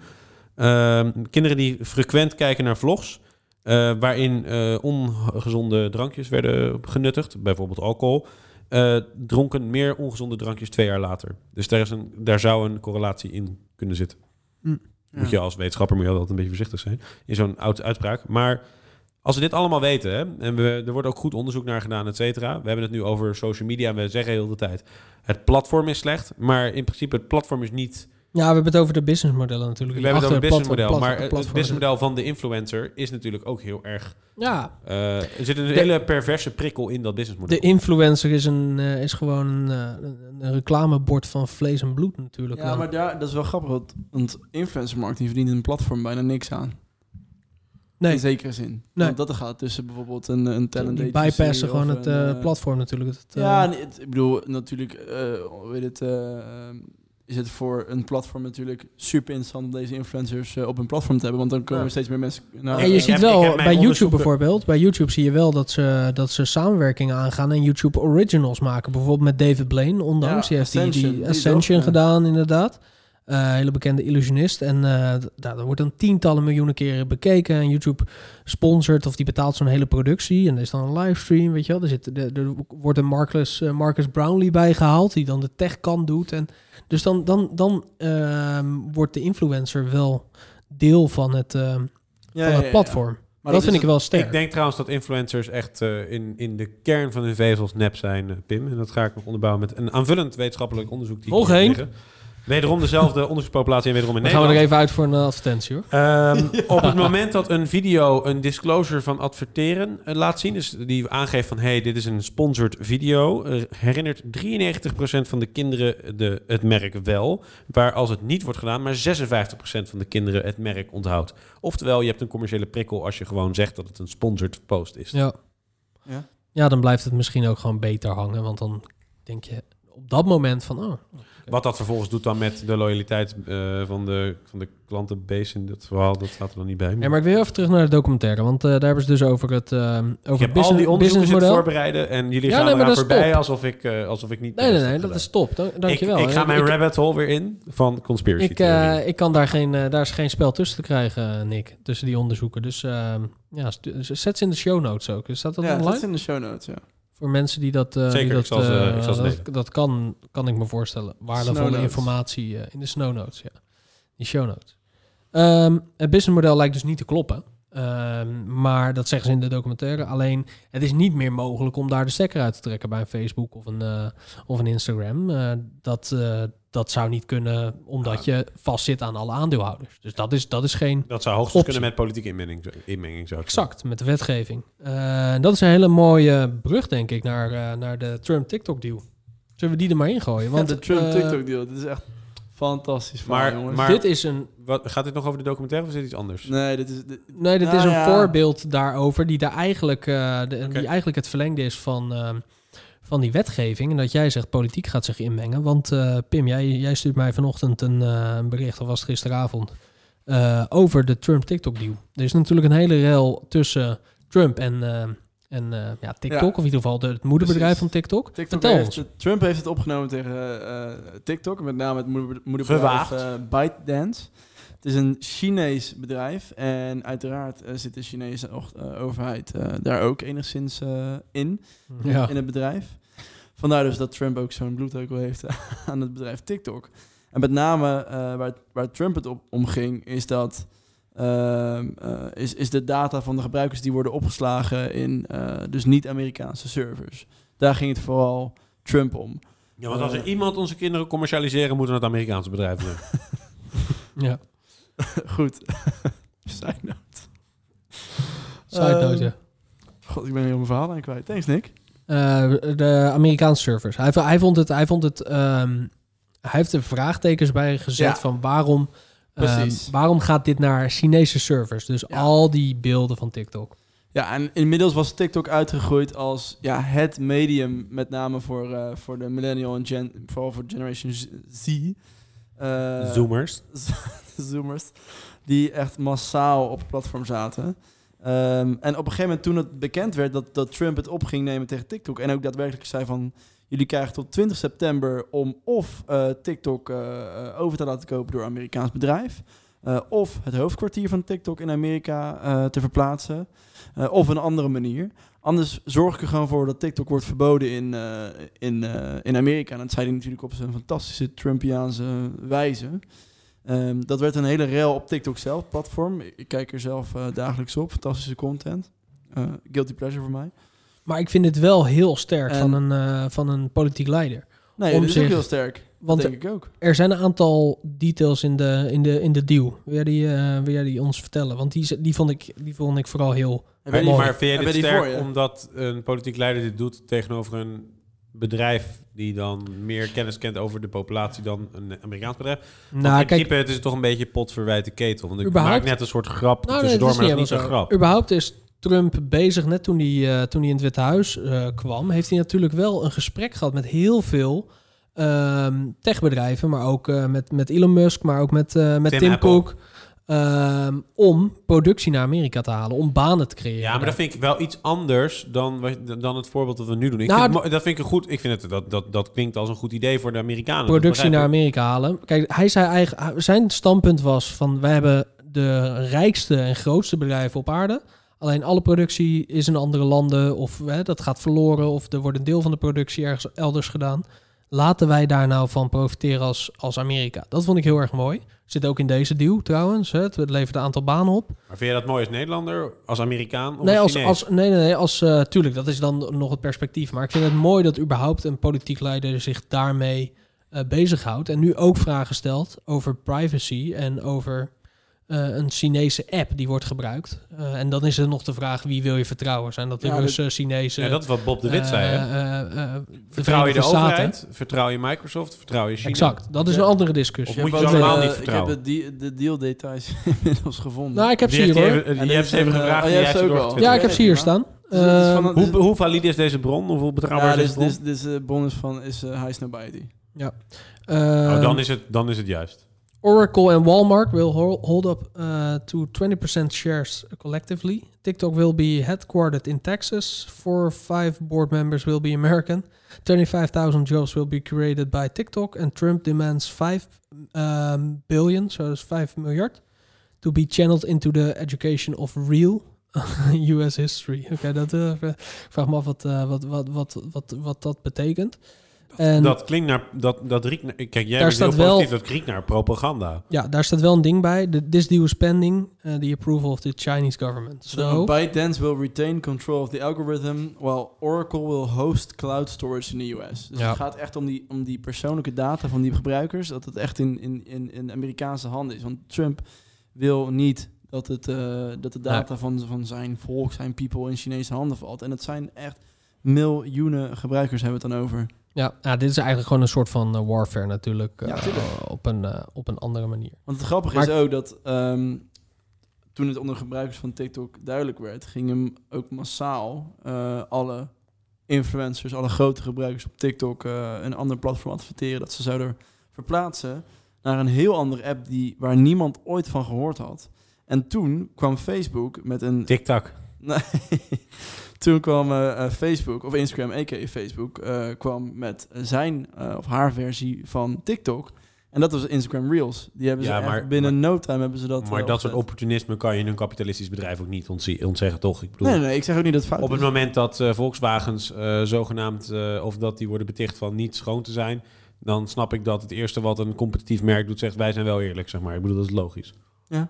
Of een elektrische auto. Ik vond, ehm, eh, om over dat businessmodel te hebben, even los van deze deal van eh, US, ik, met alle respect, ik neem buiten iets minder serieus, denk ik, dan... eh, Nee, maar dit is niet alleen moeten- Huis Nobite hoor. Jij Nee, ja, ik, via ik, ik, vind dat heel moeilijk om daar een oordeel over te vellen. Wat ik wel kan doen, is ik kan kijken naar wat er werd gezegd in die documentaire. En het einde van de documentaire was veel meer dan alleen wel of geen stelling nemen ten opzichte van social media of van dit soort bedrijven.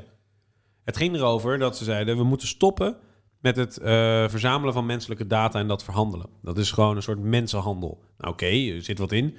En vervolgens, we moeten ook stoppen met endless growth, kapitalisme is slecht, noem het maar op. Het werd een hele, hele rare turn in die documentaire, vond ik. Dat, ik, ik citeer. Ehm, we, even kijken. We, we moeten niet meer op korte termijn. eh, we moeten niet meer aan korte termijn denken doen. Eh, we moeten systeem gaan denken. een heel nieuw paradigma gaan aanscherpen. Eh, aanslijpen. En we moeten uiteindelijk stoppen met deze. eh, we moeten het vergelijken met orgaanhandel en slavenhandel. En menselijke datahandel zou verboden moeten zijn. Het data-extractiemodel druist in tegen al onze eh, wet- rechten van de mens. Nou, oké, fair. Ja. Eh, we moeten belasting gaan heffen op data, werd vervolgens door iemand anders gezegd. Dus gewoon lukraak weer iets anders, eh, zeg maar. Nou, vind ik wel een uh, Eh, het bedrijf moet betalen, eh, belasting betalen over hoeveel data je hebt over, een- over je klant. Als een soort waterrekening. Maar dan hoor ik eigenlijk Ik heb ook nog meerdere... gehoord, eh, hoor je ik moet hoor- betalen per e-mail. Kan ook nog. Kan.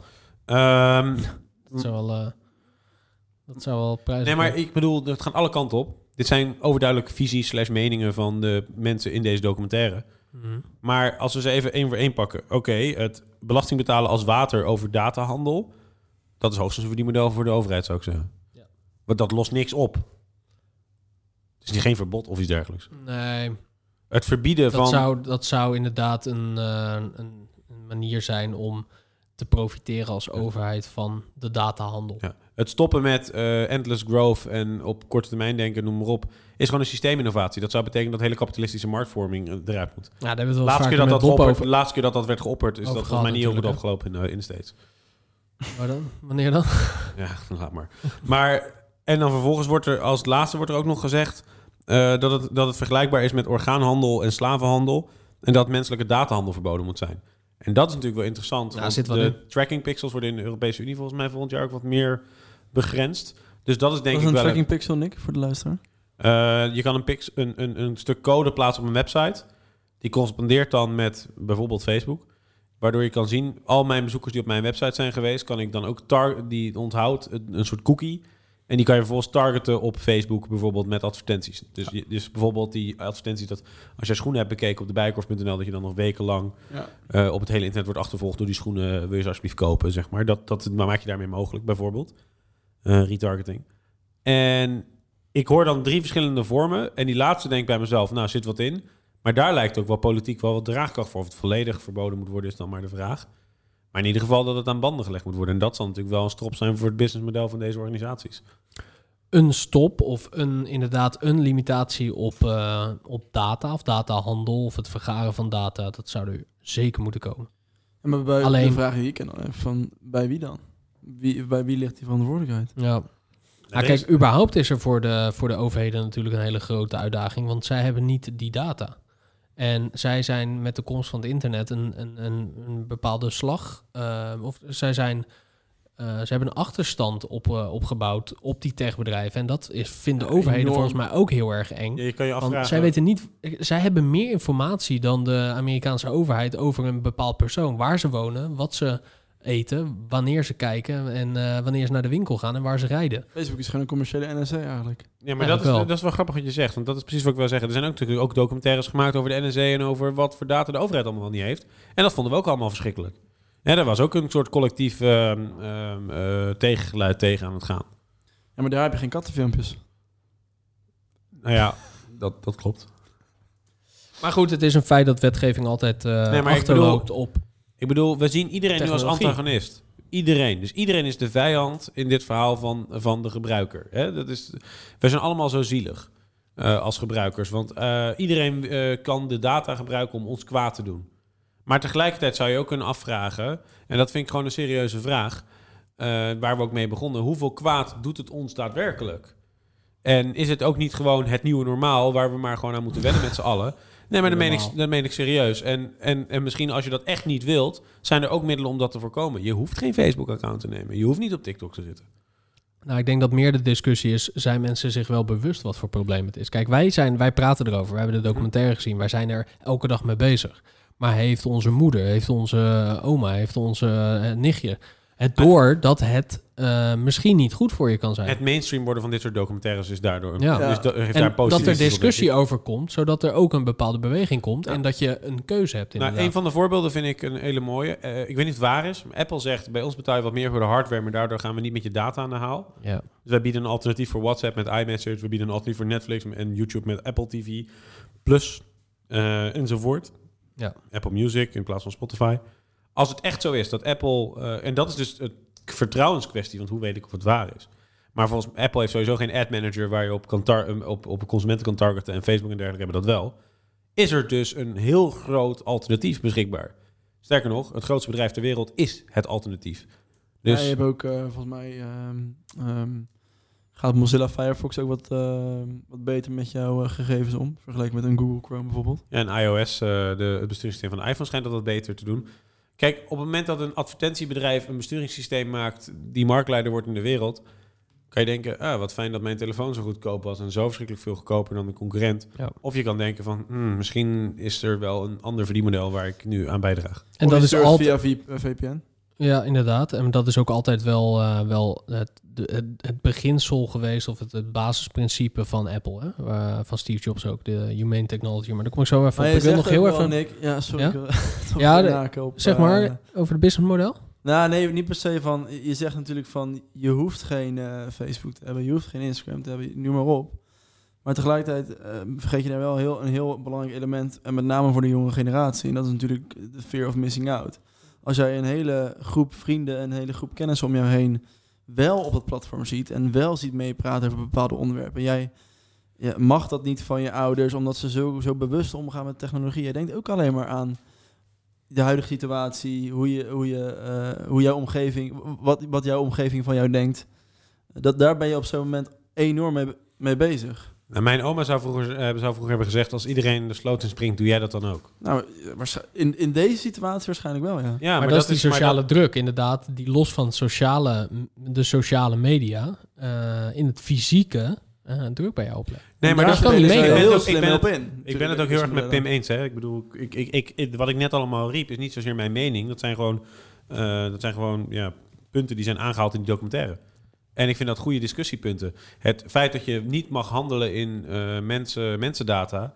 Ja, als, als dat morgen daadwerkelijk wordt ingevoerd, hè, hier in Europa. Ja, dan is Facebook, eh, TikTok en dergelijke gaan failliet. klaar. Dat kan niet anders. Ja. Hey, eh, ik vind het een leuk bruggetje. Pim. Sorry, ja. Goed bruggetje. Het sociale effect, dat is eigenlijk ons laatste, laatste deel van deze podcast. Ehm, het sociale effect van, ehm, van social media. ja Jij het, zegt, is vre- het is vreselijk. eh, ja, het is vreselijk. jij, jij zegt, eh, het, het, het, heeft, eh, het heeft slag op je, op je sociale kring. Want Je kan niet meekomen, je kan niet meepraten, je kan niet met elkaar afspreken, noem het maar op. Ehm Thurston Harris die had daar een quote over en eh, die vond ik wel interessant. Eh, hij zegt, het gaat vooral inderdaad om die generatie Z. Dus we voeden een hele generatie op met een digitale speen. Dus als je het moment dat Ja. jij je niet lekker voelt, dat je even die speen erbij pakt, hè, die pick-ups die we net hebben bekeken. En dat jij, eh, ja, als je je onzeker voelt, niet lekker voelt, of je, of je hebt een bepaalde spanning, dan pak je dat ding erbij. En ehm, ja, dan voel je je weer even lekker door wat daar gebeurt. Alleen daarmee neemt het vermogen af om dat zonder te doen. Dus zonder die eh, dopamine en die, die, die ehm, ja, bevestiging die je online hebt. Nick, Toch, jij, het is je- echt jouw telefoon, Nick. ja, het is echt jouw telefoon inderdaad. Sorry, Ehm, eh, ik dus, dus, die, dus die hele generatie die groeit op met een hele snelle, met hele snelle dopaminepieken en goedkeuring door dus likes, eh, duimpjes, eh, hartjes, noem het allemaal maar op. En En- het, is, het is levensgevaarlijk, vind ik tenminste. Dat is eh, serieus eh, een issue die we mo- moeten adresseren.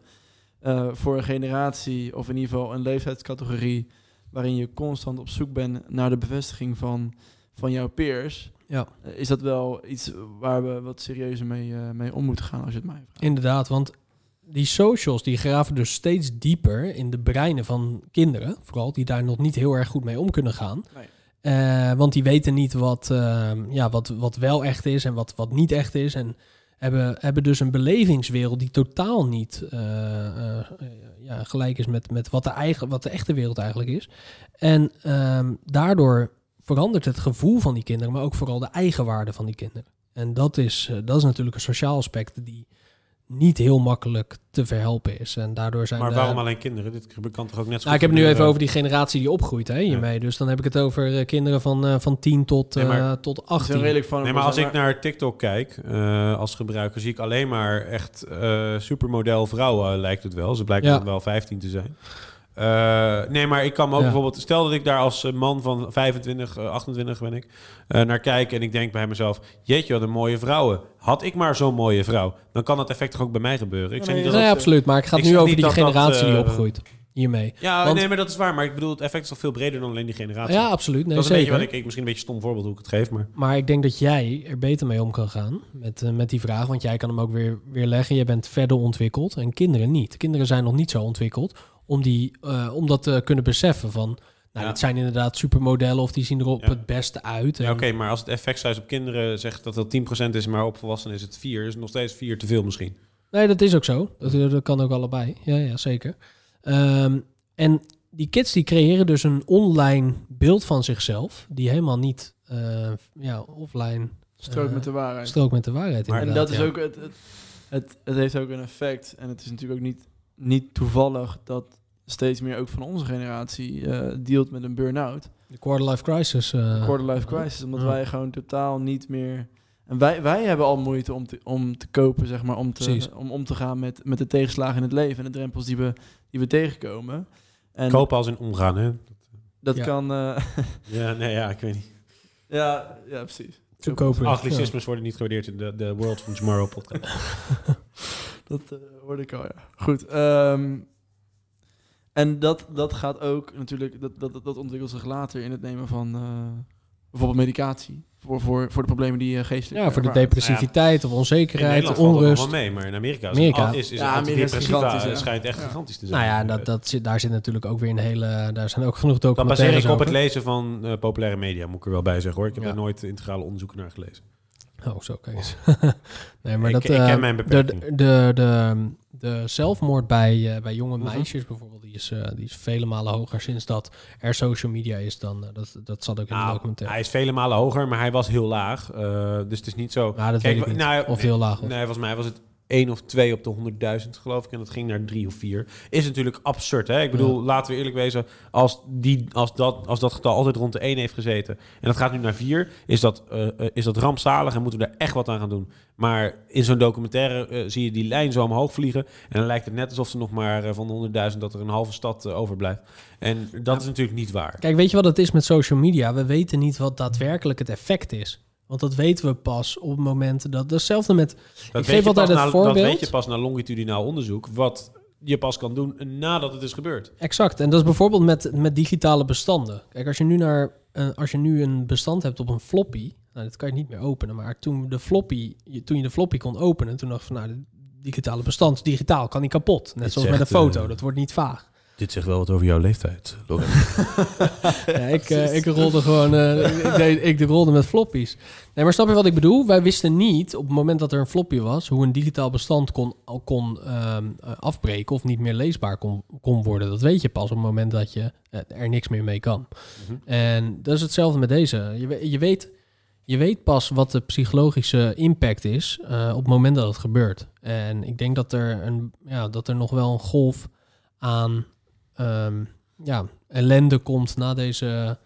Mhm. In de, in de komende jaren. Niet alleen nu, zeker met, eh, met de crisis natuurlijk, de huidige crisis, wat er ook in meespeelt. Eh, heel veel onzekerheid, maar ook zeker door de socials. Ja. Ik denk ook wel weer dat we juist weer behoefte hebben aan wat minder eh, ja, digitale connectiviteit. Ik denk ook wel dat, Ja. er, dat er enorme behoefte komt. En dat is gewoon iets Maar dat, wat ik denk COVID heeft dat ook veel gedaan voor mensen. Ja, nee, zeker weten. Dat Even denk een ik ook, reset, ja. ja. Maar ook- digitale maar ook meer online. Of zo. Meer online gebracht dan ooit natuurlijk. Met Ja, videobellen en nou, eh, met het werk wel. eh, ja, maar ook dat- met familie. Ook met, ja, natuurlijk. Maar ik heb ook gemerkt dat ik bijvoorbeeld, als ik kijk met mijn vriendin, ik, wij zijn bijvoorbeeld meer in de natuur gaan wandelen eh, gedurende COVID. Want we konden niks anders doen. We konden Ja. niet naar een restaurant of zo. Nee, dat is ook wel zo.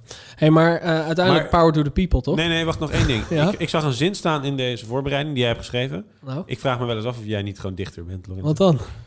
Een generatie die opgroeit met snelle dopaminepieken en goedkeuringen door likes, emojis en hartjes. Socials graven steeds dieper het brein in en nemen het gevoel van eigenwaarde over van kids. Mooi, toch? Emoji, goede bars, man. ja, emoji gratificatie, Lorenzo. ja, echt hè? Nou, dankjewel. Ik vond trouwens, Zet hem in de ik show notes. trouwens een van de, album uit?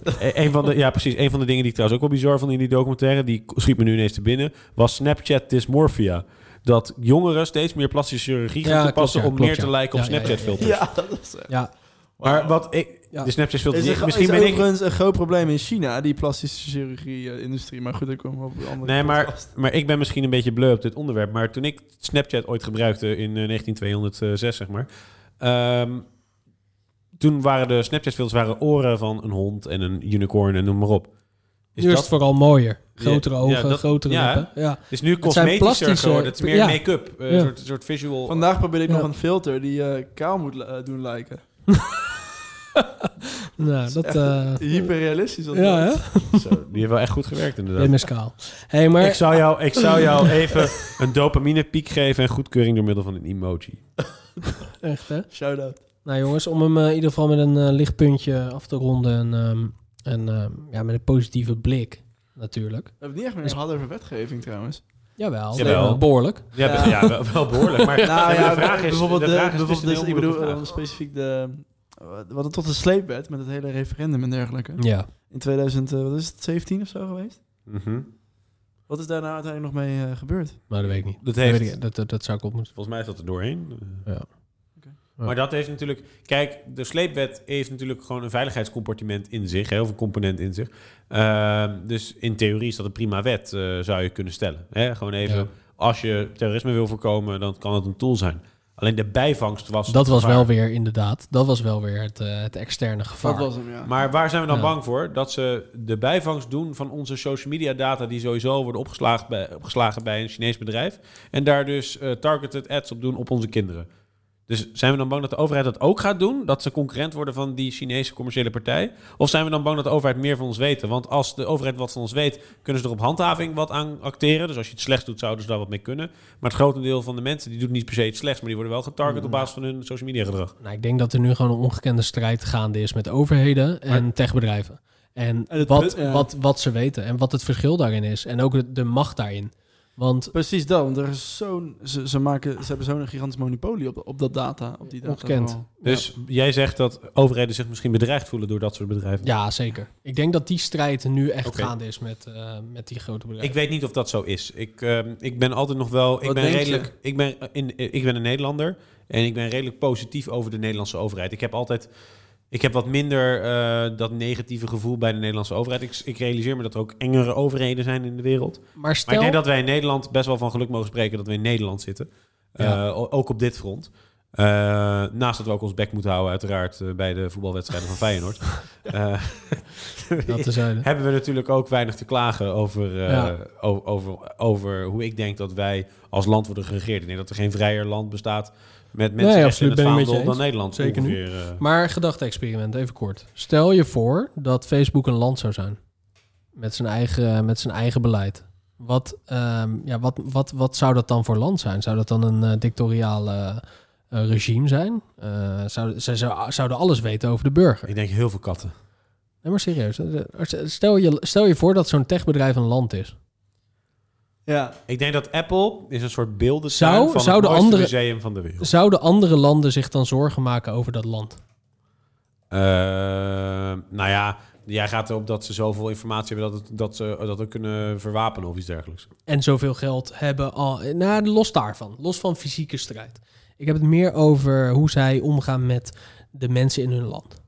Ja, vind ik wel een heftig eh gedachte-experiment. Want ja, ik snap dat waar, waar je naartoe wilt, is dat je zegt van ja, het is een soort eh, Noord-Korea die controleert over wat mag het volk zien, wat mag het volk niet zien, et Ja, of cetera. een Iran. of Of, dat je zo'n sociale score krijgt. ja. ja, exact. Ja, aantal volgers bedoel je? Ja, en misschien dat je op basis van het aantal volgers hoeveel je betaalt voor je Ja, exact. verzekering of zo. Ja. ja, Nou Nee, ja, maar, maar, de eh, gedachte, je kan heel ver gaan, maar dan kom je in een soort Black Mirror-achtige... ja. Nou, we Volgens mij is dat seizoen in een 2, aflevering 1. We zitten in een Black Mirror episode, toch? Dit is toch één grote... Echt, hè? Nou jongens, we gaan eh, richting het einde. Power to the people. Want Steve Jobs zei over humane technology... eh, The computer is like a bicycle for the mind. En dat is heel erg belangrijk. Want eerder in de documentaire kwam ook die fiets eh, terug. En ehm, we moeten dus zorgen dat, we op die fiets, dat wij op die fiets van A naar B gaan... en Ja, niet de fiets dat, gaat kiezen Dat waar is we heen juist. gaan. Alleen in die, toen die quote eh, werd, toen dat citaat werd gesproken, eh, Ja. was een Wat gebeurde toen met computer- je? Huh? Oh, ik dacht dat jij toen... toen ging ik, maar je zei toen was er een computer. Nee, toen leefde ik nog niet. Nee, toen was een computer een, een tool. Hè? Dus dat was een rekenmachine, dat was een tekstverwerker, et Ja. cetera. Inmiddels is het businessmodel van die bedrijven waar we het nu heel de tijd over hebben, zit hem veel meer op het eh, manipulati- eh, manipulatieve van het gedrag van de mens. Dat De mensen aandachtseconomie. de aandachtseconomie inderdaad. Dus als jij meer kijkt, kan je meer advertenties laten zien. Bedrog en misleiding. Als jij beter weet hoe iemand in elkaar zit, kan je gerichtere advertenties laten zien. Dat laat- liet die documentaire ook wel eh, eh, figuratief zien met, dat, met die avatar, met die drie gasten die op elkaar leken. Ja. En ehm, op elkaar leken. Wat? Precies, dezelfde persoon. ja, Dat is eigenlijk een... eh, dat is dan toch ook. ja. Maar ik- in die docu- ja, als je de documentaire hebt gezien, dan begrijp je me. Nee, maar maar eh, dat is wel een groot verschil. En hij zei ook, dat is ook waar... eh, vroeger was technologie een tool. Dus als jij een hele goede eh, tool maakte, dus bijvoorbeeld een hamer... Ja. Die hamer ging jou niet roepen met... Jij moet hameren vandaag, je moet hameren vandaag. Weet je hoeveel spijkers er nog geslagen moeten worden? Weet je hoeveel dopamine je krijgt als je een spijker in de muur slaat? Dat doet de hamer niet. Maar dat doet Facebook wel. Kom kijken naar onze spijkers. Onze spijkers moeten geslagen worden. En ik denk dat dat de metafoor is die wel klopte. Ehm, ik heb nog nooit een, een hamer gehad die mij, eh, die, mij, die mij het gevoel gaf dat ik moest gaan timmeren. Niet? Heb jij ook ooit getimmerd in je leven? Ik timmer aan de weg. Ja, ja. Eh, Maar is er, eh, is er nog wel iets positiefs aan eh, social media dan, Pim? nou ja, om eerlijk te zijn... ik zou... ehm, Deepfakes? Die worden wel steeds leuker. Ja. Ik zou... eh, het het is mijn werk, maar als het mijn werk niet was, dan, dan zou ik het ook wel eigenlijk... eh, ja, willen, willen verwijderen. Oké. En het is geen excuus, want ik zou het alsnog wel kunnen verwijderen... en dan alsnog ermee om kunnen gaan voor zakelijk gebruik. Maar toch heb ik wel het gevoel dat ik wel onderdeel moet zijn van wat ik eh, verkoop, zeg maar. Gedachte-experiment. Zou je kinderen nemen in deze maatschappij? Zou ik kinderen op deze aardbol... Zou je in deze wereld zou jij kinderen willen? Gedachte-experiment. Kan je nog kinderen krijgen als je altijd op social media hebt gezeten? Ik denk dat er... Nee, maar zonder gekheid. heel Zou, ver, zou jij kinderen willen opvoeden in een wereld die wordt beïnvloed door de ByteDances, de, Nou, de vraag is en of- de Googles? Zou jij in staat zijn om jouw kinderen eh, tot hun, eh, zeg, ehm, zestiende zonder deze apparaten op te voeden? Ik Ja, denk, ik denk dat, dat, dat de peer pressure en de FOMO waar je het over had eerder echt al heel groot gaat worden vanaf een bepaalde leeftijd. Dus 16, dat ik begint denk, gewoon dat, op ik, de denk dat, basisschool. ik denk dat dat, eh, ik weet niet, ik heb, jij Zeker, hebt een jonger ja. broertje toch? Ja. Hoe oud was hij toen hij zijn eerste smartphone kreeg? En ik denk dat dat tegenwoordig alweer hoger ligt. Mm, Ja, ook tien. Ja, precies. Zoiets. Tien? Ja. Toen had hij al in, toen Ja, iPad, Instagram, iPhone. eh, Toen was die iPad, iPhone, hyperconnected, ik wilde twee. Serieus? Ja. Ik vind het wel heftig, man. Ja, Hoe lang is dit geleden? hij is nu 13. Ja, dus je zou mis- misschien dat... Reken maar uit. Nee, Ja, reken maar nee, uit, Nee, ja. maar- nee. dat is lastig. Wacht even, even mijn bicycle for the mind pakken om dat te doen. Precies. Maar, eh, pakken. Maar eh, zonder gekkigheid, misschien is dat tegenwoordig wel acht Ja. of negen. Ik weet Ja, het het wordt niet, steeds sneller, hè? Want eh, misschien... Ja, mijn neefje bijvoorbeeld, goed voorbeeld, die is twee. Die is twee. maanden. Twee. maanden. Nee, die is twee. En, En die heeft dan een TikTok-account. Volg hem op...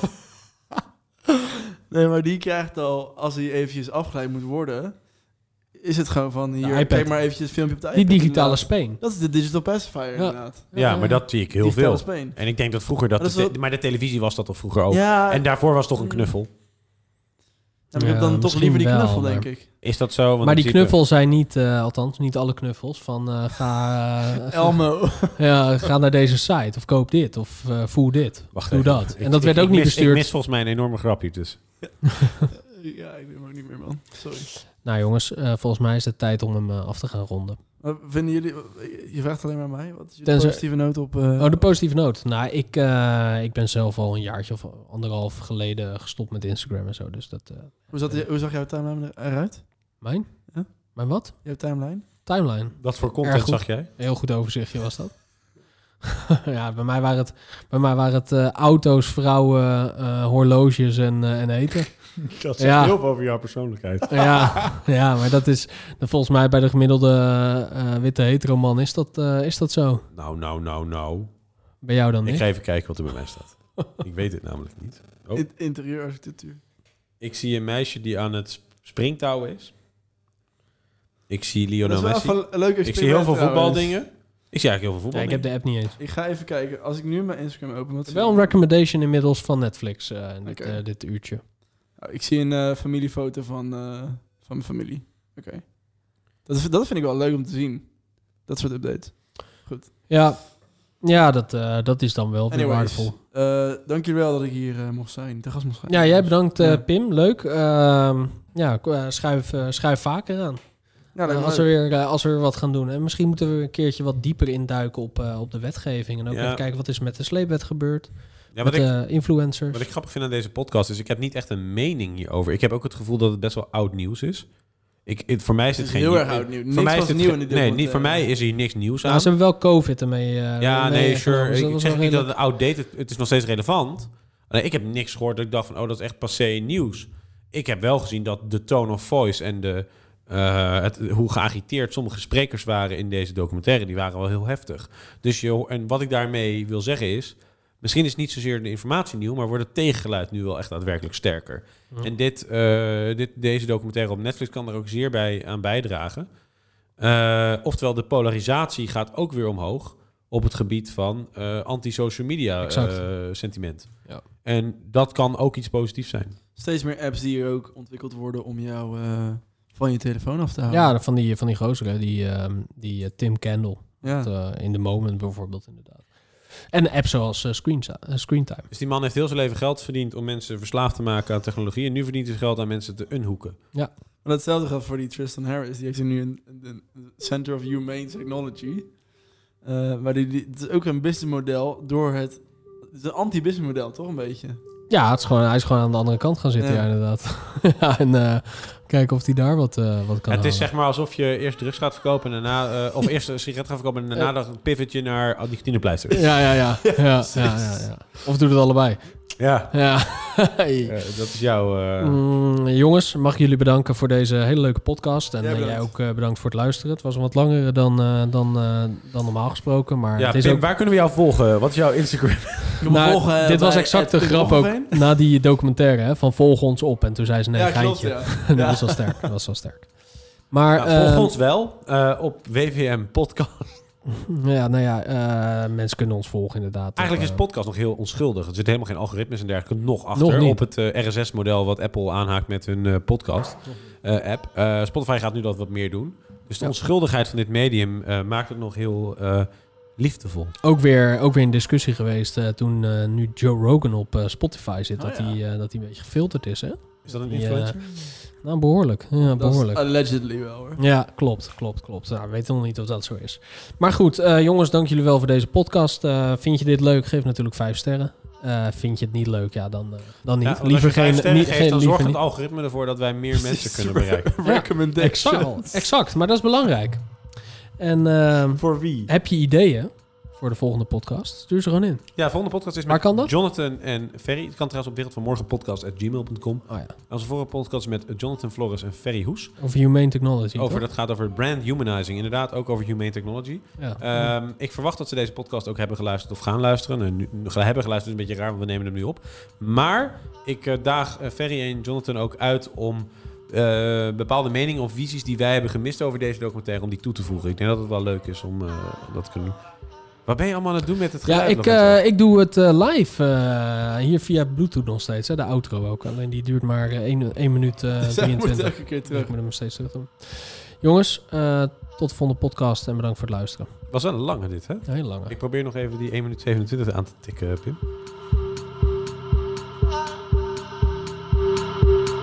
Oh, oh, oh.